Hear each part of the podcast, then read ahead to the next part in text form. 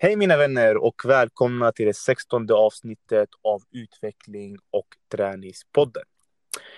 Dagens avsnitt kommer inte vara de vanliga som vi har haft innan, där vi liksom hämtar folk och intervjuar deras resor och så. Dagens avsnitt kommer vara en lite mer seriösare approach. Vad menar jag egentligen med en seriösare approach? Som ni vet själva alla lyssnare, jag är liksom en online-PT, det är min levebröd. Jag har lagt hela mitt hjärta på det här, jag har liksom släppt plugget, jag har släppt det jobbet jag har haft. Till och med min familj liksom lämnade mig för att de inte trodde att jag skulle göra det här, men jag klarade det. Och det är jag stolt över mig själv. Men eh, det är inte bara en grabb, eller en kvinna, eller en liksom, influencer eller en personlig tränare som bygger hela branschen. Utan det är helheten, det är vi alla som bygger en bransch. Och eh, ibland tänker man, hmm, vad är bakgrunden av den här branschen? Hur startar allt? För att nu kommer liksom bara folk in och får en bra kropp efter två, tre år. Och helt plötsligt så har man blivit online-PT i Instagram. Eller helt plötsligt har man blivit licensierad kostrådgivare och blir liksom råd. Men sen undrar man, hur var liksom old school? Hur var det förut? När man inte hade Instagram, när man inte hade Google, när man inte hade bloggar, artiklar, e-böcker. Vad gjorde man förut? Och det är det liksom jag försökt liksom sträva efter att hämta det grunden som alla behöver veta för att kunna bygga en optimal kropp och såklart en optimal livsstil kring det. För jag har alltid liksom, med allt jag gör, med alla upplägg jag gör, eller vad, liksom, vilket avsnitt jag gör, jag försöker alltid liksom hålla det äkta. Men ibland man kommer till en gräns där man bara, jag märker någonting är lite liksom snett just nu som det går med branschen. Och eh, jag har ju också en erfarenhet av träning, fem år, men jag tycker inte det är tillräckligt och jag har inte sett det gamla eran med liksom, egna ögon. Även fast man har läst om det eller man har liksom, sett filmer om det, men man kommer aldrig förstå det tills man har gjort det.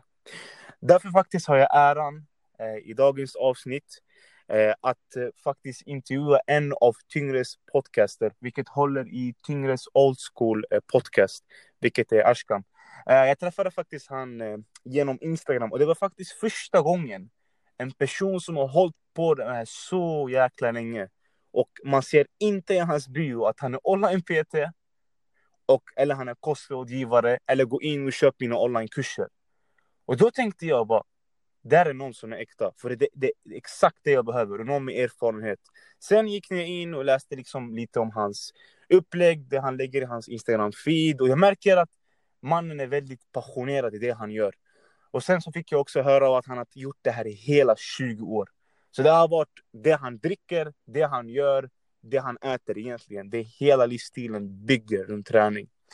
Och han har upplevt den gamla eran, den eran som vi alla älskade. Och det där allting började ifrån. Där kropp faktiskt var bara ren illusion. Och ren disciplin, bägge när det kommer till maten, träningen, konditionen, vad det än var. Det fanns inga tricks och mix. Det fanns inga sextips för att gå ner i vikt. Alla visste. Hårt, hårt jobb gör arbetet. Och det är liksom definitionen på det mannen som han har gjort i 20 hela år. Och jag har också fått äran att lyssna på vissa av hans podcast. Jag tycker han gör ett jättebra jobb. Så jag är 100% säker att ni kommer gilla dagens gäst. Så egentligen, inte mer med det. Jag vill bara presentera vår gäst Ashkan. Så varsågod och presentera dig Ashkan. Tjenare! Hur är läget? Ja, bara bra. Själv då? Fint, tack för att jag får vara med. Absolut, du är varmt välkommen. Så Ashkan, berätta lite vem du är, vad är det du vill prata om idag och varför ska man just lyssna på dig idag? Uff, vem jag är? Jag är eh, en kille eh, uppväxt i norra Stockholm. Eh, har bott mer eller mindre hela mitt liv i norra Stockholm. Eh, faktiskt eh, född i Iran. Eh, kom hit som femåring. sen har jag spenderat hela mitt liv i Sverige. Då. jag har växt upp i en familj där idrott och sport alltid har varit väldigt stor del av, av liksom våra liv.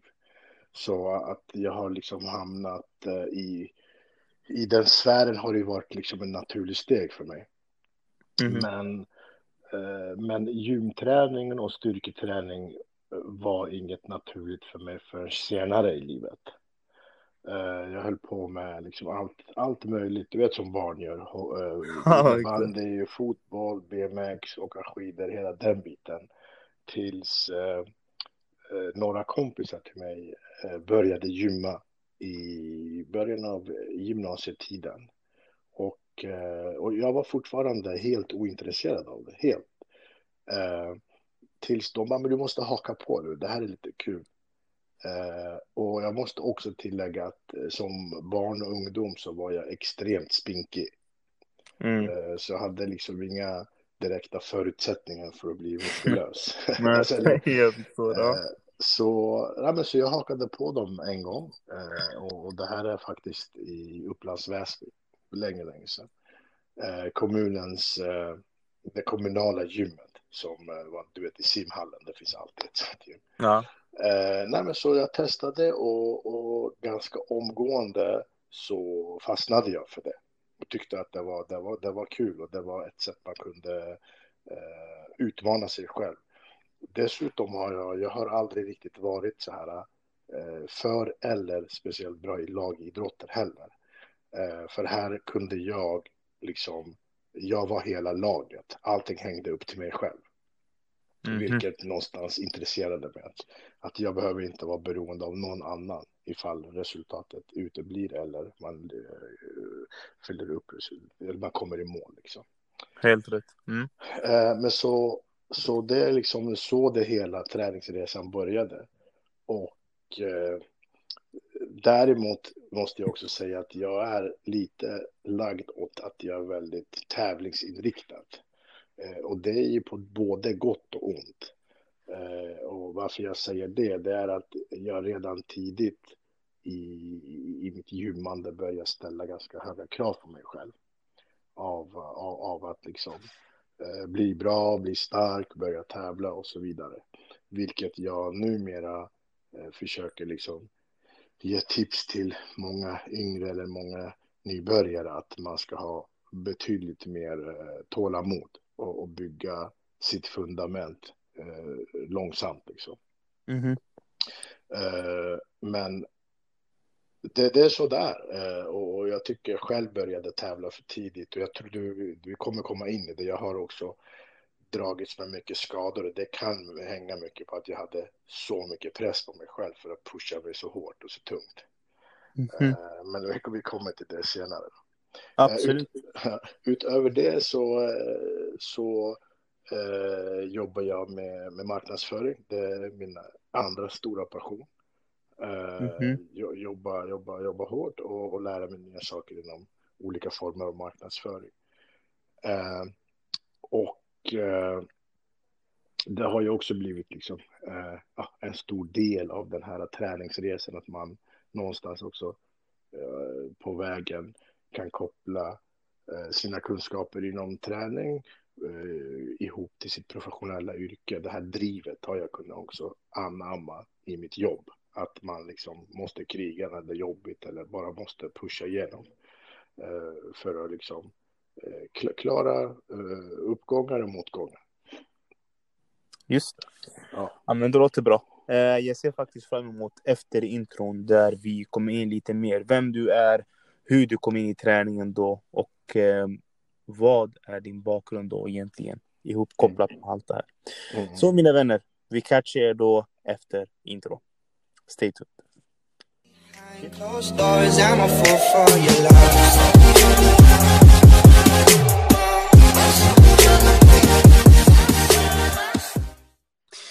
Yes, så jag tänkte Ashkan om du kan bara börja lite och berätta liksom, hur kom du in i träningen? Hur var liksom träningen förut jämfört med nu? Om man får liksom börja med det.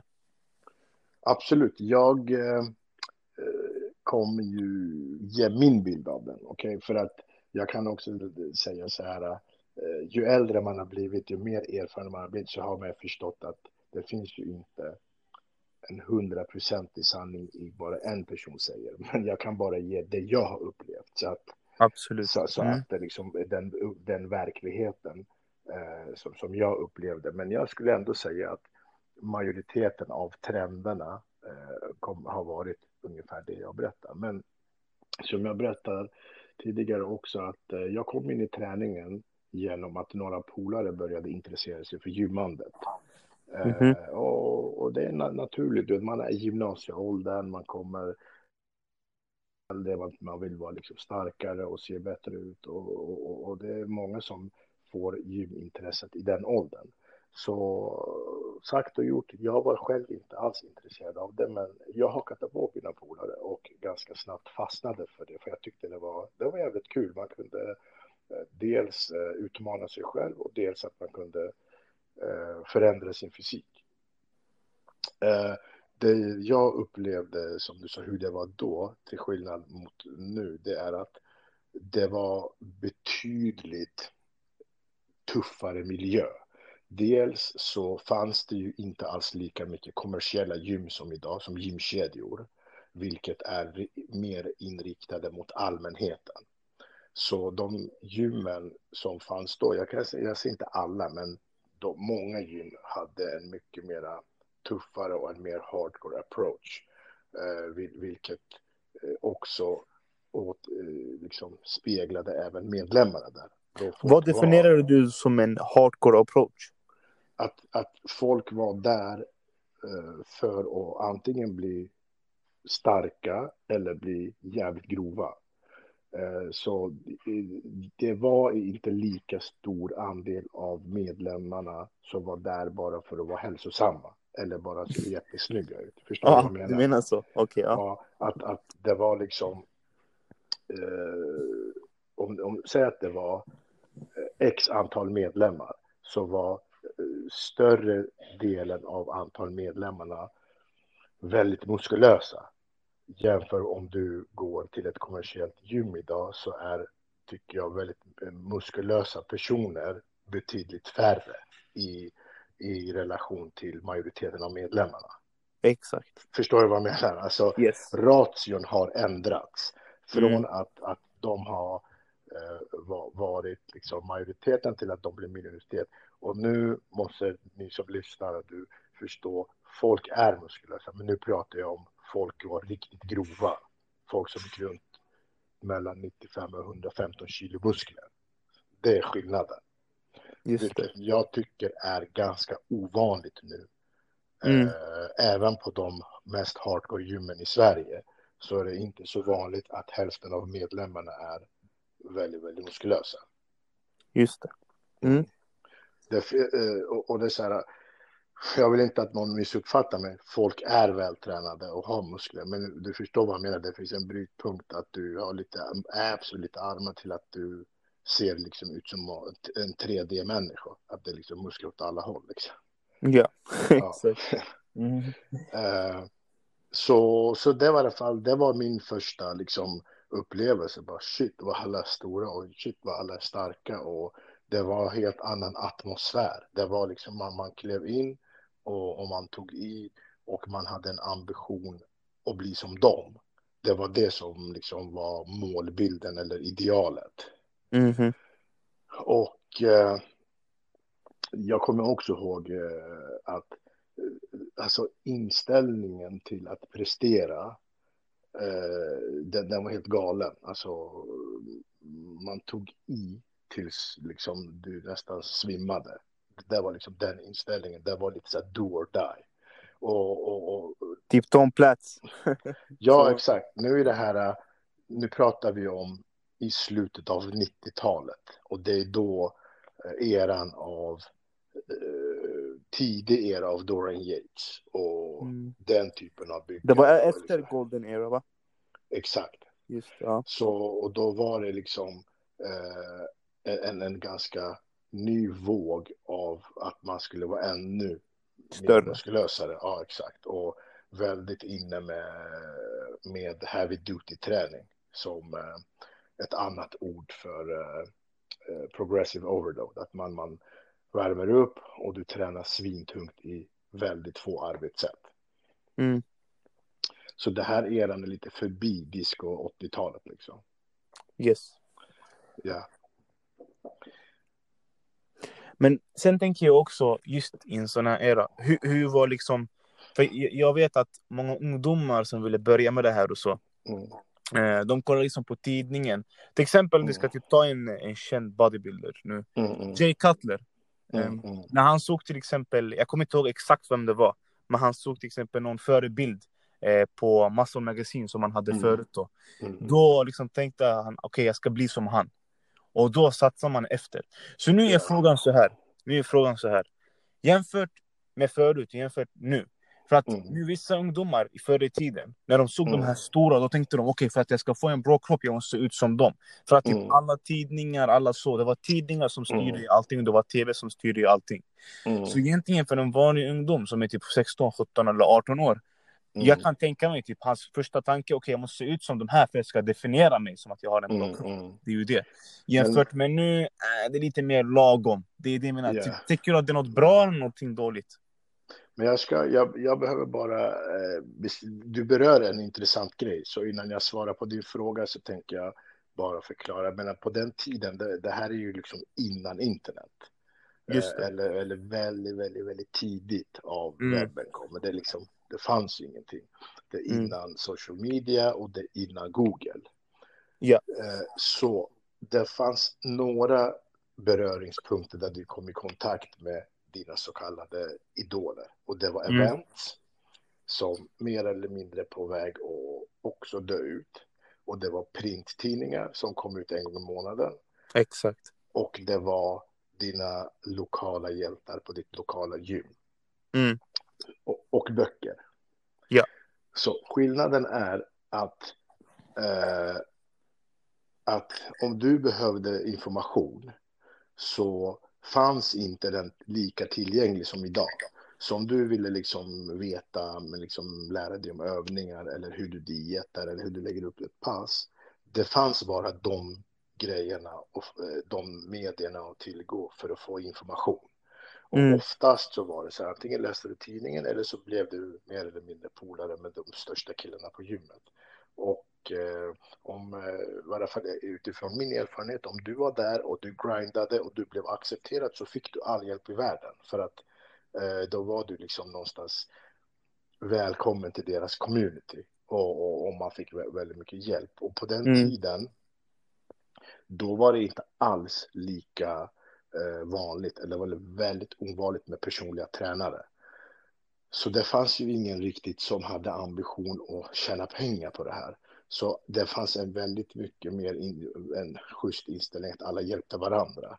Om, eh, om någon vill ha hjälp med upplägg eller liksom bli liksom, inspirerad eller och förstå hur, hur man ska göra saker och ting. Mm. Eh, så det var lite så, så, så det gick till.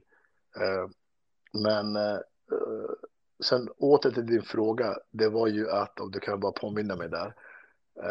Du frågade lite grann om, för där jag tappade din fråga där. Ja, absolut. Alltså egentligen det jag menar, vi ser nu en ungdom som är typ Ja. 16-15 Ja, år. just det. Ja. Ja. Och han håller i en sån här tidning och han ser bara stora muskler. Ja. Han håller i en bok eller vad det än kan vara. Ja, eller bilder. Det var bara stora Ja. muskulösa. Ja, jag liksom. fattar. Okej. Mm. Om jag säger så här då. Alltså rent, det är ju bättre nu för det är mindre press. För det var ju betydligt, betydligt hårdare press då. Mm. Eh, för att liksom prestera, för att bli stor och få någonstans få eh, uppmärksamhet och respekten. För du vet, om på den tiden, om du inte, så vi, om vi tar bodybuilding eller fitness, om du inte liksom blev bra och tävlade så fick du aldrig någon uppmärksamhet. För den Nej. enda uppmärksamheten du kunde få, det är ju att placera dig bra och komma med i tidningar. Så du kunde ju aldrig själv skapa dig en uppmärksamhet eh, som man kan göra nu, till exempel via sociala medier. Så det är skillnaden. Sen eh, hur man, var det bra eller dåligt? Ja, i, i vissa aspekter, ja, om man säger så här, för att utvecklas som en, som en atlet eller att utvecklas eh, i, i sin sport, då tycker jag att det var bättre. Men om vi tänker på hälsosam press, då är det säkert bättre nu. Men- Exakt, det är ju det jag menar att Mm. vissa saker förut har varit dåliga och vissa saker nu också dåliga. Men jag menar vissa saker som vi har nu med den nya eran är lite bättre för den vanliga och normala människan som vill bara Ja, kanske gå ner lite i vikt. Ja, absolut. Ja. Det är okej. Men för att f- folk liksom när de tänker på bodybuilding och de vet Mm. och de typ läser om alla bodybuilders och de här. De är väldigt innischade i sånt här saker. Ja. Någonting mer Ja, än bara absolut. en bra kropp. Det är ju det. Absolut. Men jag tänker nu den vanliga människan, liksom the average Joe som man brukar säga. Ja. Och han vill bara komma in i gymmet, han vill bygga lite muskler, större armar, större ben, äta vanligt och så. Om han vara ett exempel på, eller hen eller hon, vad det än kan vara, Mm. till och med kvinnor. För Mm. kvinnor just var det lite mer svårare för att till och med alla kvinnor bokstavligen det var, det var typ stora, de var uppe Mm. liksom på en scen. Så för en kvinna var det kanske lite mer komplicerat kan jag tänka mig liksom än kvinnor, än, än, än liksom män såklart. Jag så det är det tycker- jag menar liksom. Just Men- nu, mm, Jag vill bara också säga det som jag tycker i varje fall om jag säger så här. Många tror att när jag poddar att jag säger bara att det var bättre förr. Men, men det Mm. stämmer inte riktigt. Alltså när jag säger att det var bättre förr då är det bara den lilla procentuella delen av en extrem eh, atletprestation. mm, För det, är så, det, det är så jag är formad, det är så jag är liksom fostrad av det gänget som jag växte upp med. just det. Men, Ja, men, om, men, men om vi pratar om hälsa och träning i sin helhet folkhälsa så är det mycket, mycket bättre nu för att man, man, många fler från hushållen tränar nu. Eh, Exakt. så om vi tittar till liksom eh, hälsotillståndet av befolkningen och att folk faktiskt rör sig och folk äter mycket mer hälsosammare. Det är betydligt mer eh, utbud på hälsosamma råvaror och både lågkalori och låg eh, sockerprodukter och så vidare och så vidare. Och det är gym i varenda hörn. Ja, det är klart att det är mycket bättre nu. Mm, Så, så vi ska absolut inte förväxla det jag säger om en extrem liten nischad del av träningen jämfört mot allmänna majoriteten. Exakt. Det är ju det, det, är två, liksom. det, det, det är två olika frågor. Ja, ja, men exakt. Men det är det jag menar. Nu, nu, snackar jag bara om liksom the average Joe som sagt, liksom Ja. den vanliga människan. Men Absolut. sen tycker jag också, om jag får säga min åsikt då. Eh, förut på den gamla eran, då var det mycket, en mycket mer simpel approach. Det var det jag älskade mest av allt. Ja. Okej, vill du få bra kropp? Okej, är du redo för att göra det? Ja, okej. Ja, men var till gymmet klockan sex på morgonen. Vi ska köra en, du vet, Mm. vissa pass förut, de, man körde typ i två timmar, två timmar och Mm. halv. Grovt, Mm. alltså då var det grovt. Ehm, och nu när jag ser det, typ vissa är i gymmet 40 minuter, de kör typ trippelsets och går hem. Ja, men okej, ja, trippelsets är bra sådana här saker, men Mm. det är inte sam man har inte det gamla liksom, tankesättet. Du vet om man kollar på förebilder som jag har till exempel, som City Fletcher och sådana här som Mm. tränar, de tränar grovt alltså på Mm. en helt annan nivå. Eller Ja. Ronnie Coleman och sådana här saker. Mm. Okej, det där är elitnivå, det är jag med på den notan. Men jag säger generellt, som jag ser det just nu om man går och kollar på gymmet, helt ärligt, alltså ibland jag blir Mm. äcklad. Folk sitter typ med mobilen, vissa sitter och typ pratar och det är så här. Förut bara put your headphones down, do the work. Ja. Var tyst, gör inte någonting annat. Så, så jag tror genom den vevan har det faktiskt gått ner dramatiskt. Okej, all, allas mål är inte liksom att, bli stora och så, men jag säger för dem Ja. som är deras mål, de presterar inte ens närheten av vad man ska ens göra för att kunna steppa upp det till nästa nivå. Och du vet, det har kommit mycket trender, det här med överträning och sådana här saker. Men det jag, måste, det jag vill lägga till där och det jag försöker verkligen inspirera andra och jag hoppas att jag på något sätt kan göra det. Eh, både genom mi- mi- mitt flöde på Instagram och genom folk som träffar mig i verkligheten och genom podden. Det är att eh, simplificera allting, okej? Mm. Alltså, det, det låter väldigt klyschigt men jag kan garantera att less is more i vissa fall. Och, och det jag menar är att om så att du vill träna till exempel ben, då, då räcker det liksom med ett par basövningar. Man behöver inte överkomplicera det och liksom jaga någon fantasiövning. Alltså bara du kör, liksom, vi tar till exempel en sån komplex övning som eh, knäböj. Mm. Så det är en så pass komplex övning att det, det, det liksom involverar framsida lår, baksida lår, rumpa, liksom höft? U- Istället så tycker jag folk lägger ner så mycket tid på typ sju olika rumpövningar och massa konstiga utfallssteg. Alltså man, man fokuserar på... massa eh, konstiga utfallssteg, jag gillar den där. Ja. Man, kolla, man fokuserar mera på toppingen, på toppingen av maten än själva maten. Förstår Basen, du vad jag menar? Exakt. Ja. ja. så mitt råd är att, och det, här, och det här gäller även kosten, alltså man eh, istället för att liksom gå in och fokusera på liksom, liksom fundamentet av din kosthållning så känns det som att folk är väldigt mycket mer intresserade vilken sockerfria karamellsås du ska ha till din gröt eller eh, hur många eh, blåbärshjärtan du kan göra på din gröt. Eh, och, och, och, att man ska känna att, att, att allt är så, så väldigt trevligt. Problemet är, jag säger inte det fel, nu, återigen, nu hamnar jag i det här läget att jag tänker och funderar på prestation. Och för mig är prestation och målinriktad träning hör inte riktigt ihop med det här för att hålla på att överkomplicera saker. Mm.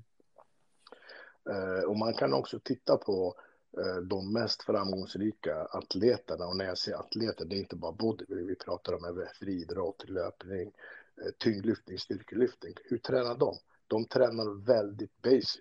Det är liksom frivändningar, det marklyft, det knäböj, det bänkpress. Och, och, det är bara att titta på hur deras fysiker ser ut. Så för, förstår, förstår du jag försöker komma? Absolut. Så jag tror att, eh, precis som du säger, att man, man, jag tror man folk gör det lite svårare för sig själv än vad det behöver vara. Mm. Speciellt typ hur många gram ska jag ha, hur många kalorier är det här och sådana här saker. Det brukar ja. överkomplicera saker jättemycket. Ja. Men helt ärligt nu Ashkan, om du kör nu helt utan filter. Vad tycker du om dagens liksom eh, hur ska man säga, träningsbransch. Alltså, liksom, tycker du att det uppdrageras i vissa saker och neddrageras i vissa saker? Är det några saker som, som har försvunnit och man önskar att, hmm, varför har det här alltså, gått bort? Mm. Alltså jag tycker så här, alltså, jag tycker genuint att det är fantastiskt att se att det är så många som tränar. Som jag sa, att, att det, alltså, det hjälper att liksom, träningen lever vidare. Det jag tycker är det, den tråkiga delen av det, det är att meningen och syftet med riktigt hård träning har någonstans försvunnit under den här utvecklingens resa och att folk har fått en uppfattning om att eh, det är som en joyride, att man går dit och dricker sin härliga BCA, tar fem selfies och kör några kabelövningar och lite kickbacks för rumpan och sen går man hem. Och istället för att se upp till individer som verkligen man bör bli inspirerad av. Som har slitit liksom i väldigt många år och, och, och, haft fantastiska resultat och har en grym story att dela med sig. Så ser man upp till liksom bara liksom etablerade personer i social media som egentligen knappt har åstadkommit någonting inom, i, sin, i, liksom i träningsvärlden mm. eller i, liksom i, i, i prestationsdelen. Så, så det tycker jag är liksom, eh, liksom nedsidan av, av, av, av hur träningsbranschen har utvecklats. Vad tycker du med det här med typ kurser och receptbank och böcker och hela den där bunden? Alltså, jag tycker så här. På, och jag är helt ärlig, jag tycker ut, eh, information och kunskap är ju fantastiskt. Det jag tycker är Eh, lite tråkig utveckling, det är att all den här informationen, den finns ju gratis och bara hämta. Bara liksom, det är bara två googlingar så har man den. Men jag upplever att folk har blivit väldigt, väldigt mycket mer bekväma och vill också liksom få det serverat och gärna få de här sakerna av sin favoritinfluencer eller sin favorit-PT som man egentligen inte ens behöver köpa för att allt finns tillgängligt om man bara letar efter det. Mm. Och det är mer tillgängligt än någonsin. Sen säger jag absolut inte att det är fel med liksom, att ha en tränare och ha någon att bolla med och så vidare. Men jag tycker inte riktigt att man behöver totalt eh, liksom ansvarsbefria sig själv genom att bara lägga sig i någon annans händer. Exakt, och jag håller med dig där för att det krävs någonstans där med att hålla på med det med träningen och kosten. Du vet nu alla som håller på med nyårslöften, alla är typ ute efter what, Ja. what is the secret? Vad är, vad är Mm. hemligheten? What is the secret Ja. sauce? Bara säg till mig. Mm. liksom, Så att jag kan göra det. Men det finns inte. Det är bara hårt jobb och bara ät bra. Det är så enkla saker. Ja. Men folk gör det så svårt. Så Ja. egentligen det är det du försöker säga. Ja. Och ehm, egentligen det var så det var i det gamla liksom förra Ja. approachen som man hade efter gold-eran och allt det där. Mm. det var enkelt, man bara jobbar hårt, ät bra, kör din Mm. kondition, få in dina pass, få in dina måltider. That's it. Alltså man behöver inte Mm. göra liksom en raketforskning av det. Men jag tror också så här. Hur det ser ut just nu. Det, jag ska vara ärlig, det ser inte ut som att det går mot det bättre. För att du vet, allting också har en gräns. Jag ska vara ärlig. Och det Mm. känns som att nu många som är inte ens licensierade PT och kostrådgivare, det är som jag tycker är mest synd. De är inte Mm. licensierade, de är ingenting. Och det bara, de lägger bara information bara för att lägga det. Och bara för att få de här engagement och bara för att få de här Mm. likesen. Och kunna vidare sälja sina saker. Men det är så här, Mm. någonstans där den vanliga människan får en väldigt stor confusion. Man blir väldigt Mm. förvirrad. Men vad, ska jag lyssna på hon eller ska jag lyssna på han? För vissa Mm. liksom promotar periodisk fasta, okej. Mm. Och vissa promotar keto, okej. Ja. Och vissa promotar lågkolhydrater. Men det är så här, man hamnar någonstans. Vem ska man lyssna på? Det är så här, Ja. man förstår inte. Och sen, ens, det här är en jätteviktig fråga, för du har ändå gjort det här jättelänge. Och många kommer börja nu med nyårslöften. Jag tycker det här är jätteviktigt, en sak att ta upp. Vad tycker du det här med bulka och deffa? Helt ärligt. Uff, eh, men det, jag, jag vill bara säga så det beror ju helt klart vad ditt mål är. Eh, och, och, och hela den grejen har ju också förändrats för mig under alla åren. Och eh, nu eh, senaste liksom, eller sen jag har slutat tävla, jag har ju liksom eh, jag har inte haft ambitionen av att tävla på väldigt många år och därför har jag själv eh, gärna velat vara i form året runt. Eh, däremot tror jag om man behöver liksom lägga på sig muskelmassa och speciellt om man saknar muskelmassa någonstans och har svårt att lägga på sig så tror jag att man behöver liksom ha ett större intag för att kunna komma över de här eh, trösklarna. Eh, Just det. Så däremot så, jag tror inte det är så hälsosamt eller bra att liksom hålla på och grisbulka, att man Det är det någonstans, eh, Mm. någonstans överäter eller över eh, missbrukar mat i situationstecken rättfärdigade för att man bulkar. Eh, och det upplever jag att många i, av misstag gör det. Att, att man, för, för du vet egentligen när du säger bulka, det handlar om bara ett överskottsintag under en viss period. Exakt. Och egentligen kan du göra det med exakt samma mat som du dietar för att du, fast du äter mer av det. Okej?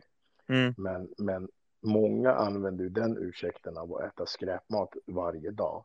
Eh, och då tror jag att man har det mest som en ursäkt bara för att kunna äta lite vad som helst, hur som helst, när som helst. Jag håller med. Men, men, men, men som allt annat i, med sunt förnuft och, och vettigt förhållningssätt så tror jag att det finns tider där du behöver konsumera mer mat och det finns tider där du behöver liksom dra tillbaka intaget. Det är svårare än så behöver det inte vara. Nej. Man behöver inte sitta och hålla på och räkna liksom gram varje gram man ska äta. Och... Men linbulk brukar ändå vara någonting bra. Mm. Som man brukar liksom rekommendera. Ja, absolut. Sen får man inte heller glömma, som, som sagt, det finns egentligen inte, det, det är inte så komplicerat, men ibland så finns det också en psykologisk aspekt att man, man behöver äta eh, någonting som inte är liksom sin egen vardagsmat. Ja, men tar en hamburgare eller någonting, om du verkligen psykiskt behöver det. För då eh, kan det där liksom hjälpa dig för att kriga vidare en, två, tre veckor till. Eh, Så det jag menade, det är folk som liksom trycker i sig massa skit varje dag och går till McDonalds efter varje träningspass bara för att man bara shit, jag måste äta liksom överäta. Det är det som jag tror är eh, mm, inte bara liksom att du blir liksom överviktig, men det är liksom inte hälsosamt. Nej, jag håller med. Absolut. Och eh, nu kommer jag faktiskt till den sista frågan. Nej, Mm. jag har faktiskt en till efter. Men Ja. eh, nu är det en ganska tuff fråga. Så om vi spårar tillbaka tiden för 20 Mm. år sedan till eh, den gamla Ashkan då. Vad är det för lärdomar och tips som du skulle ge han? Om du skulle börja om hela processen igen. Den är ganska enkel. Jag skulle dels eh, inte sätta lika mycket press på mig. Jag hade tränat liksom väldigt målmedvetet. Men jag hade... Kolla, det är jätteviktigt att förstå att okay, det här är min struktur och det här är liksom så här jag är byggd. Och då kanske det är så här, jag kommer kanske aldrig kunna bänka 200. Och då hade jag liksom tagit det väldigt mycket mer metodiskt och gett, haft väldigt mycket mer tålamod. Mm. Och eh, liksom gett allting väldigt mycket mera tid. Eh, så det hade jag gjort. Dessutom så hade jag försökt och eh, haft roligare för att jag hade alldeles för seriös inställning till träningen på den tiden. Att, att jag någonstans missade glädjen. Jag har jätteroligt nu när jag tränar. Att, att liksom, det ger mig en glädjekick. Just det. Mm. Eh, då tycker jag det var väldigt, väldigt mycket mera målinriktad och extremt fokuserad, vilket någonstans det tog bort glädjen. Så det kostade dig lite i alla fall? Jag förstår. Det, det, det, gjorde, det gjorde det absolut. Det, det kan, mm. kan jag säga. Allting man gör, det har sin positiva och negativa. Det är bara så. Ja, ja exakt. Mm. Okej, okay, för att eh, om vi ska kunna runda av hela den här podden då, Ashkan. Mm. Och eh, jag tänker, alla kommer nu börja med nyårslöfte och det hela den här hypen och så. Vad är ja. de bästa tipsen egentligen du kan ge för att man ska kunna omvandla det här egentligen till en, till en hållbar livsstil? Hållbar situation. Uh, jag skulle jättegärna vilja uh, snacka just kring det här frågan, för jag tycker den är intressant. Om vi tar en person som verkligen vill förändra sitt förhållningssätt till mat och träning och kanske inte har uh, lika mycket erfarenhet som andra det, ett av de största felen man kan göra det är att försöka total förändra sin förhållningssätt till mat och träning för att det håller inte längre. Du kör mm. en, två veckor och så tycker du att livet är hemskt och så faller du tillbaka till dina gamla rutiner. Så det, med, det jag menar är att du äter en dålig frukost och sen äter du dagens lunch på någon, liksom någon lunchrestaurang och så äter du ingenting och så äter du en halvdålig middag för att kunna förändra det här, du behöver göra små förändringar så du stegvis kommer in i ett, ett, ett sundare förhållningssätt. Och samma där med träningen. Du kan inte begära att en sån person går från noll dagar träning till sex dagar träning. Nej, exakt. Och speciellt kanske träningsform som de tycker är tråkiga. Så om man personligen skulle säga att försöka ändra saker stegvis och samtidigt finna glädje i att man vill förändra någonting till, som är till, till fördel till din hälsa och din livsstil.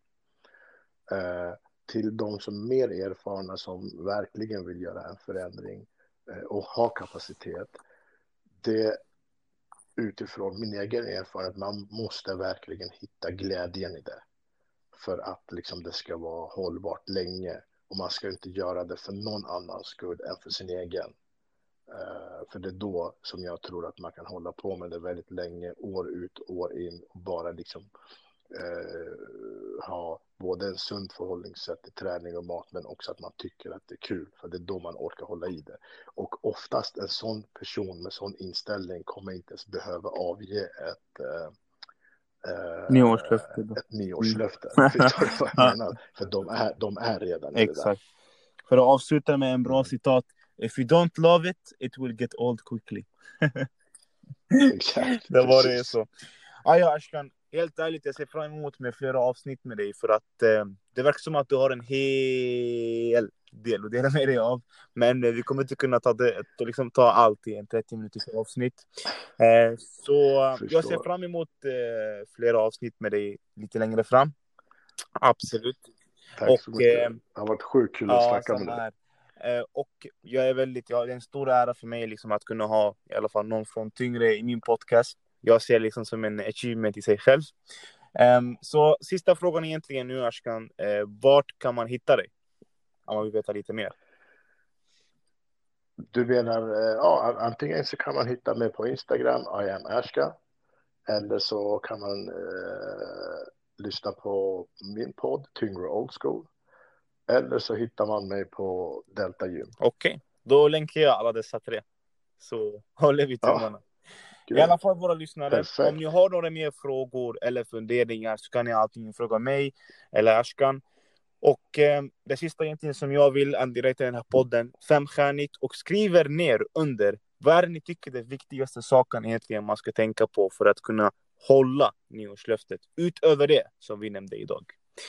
Egentligen så har jag inte så mycket mer. Jag vill bara tacka Ashkan igen för att du fick vara med och jag ser fram emot flera avsnitt.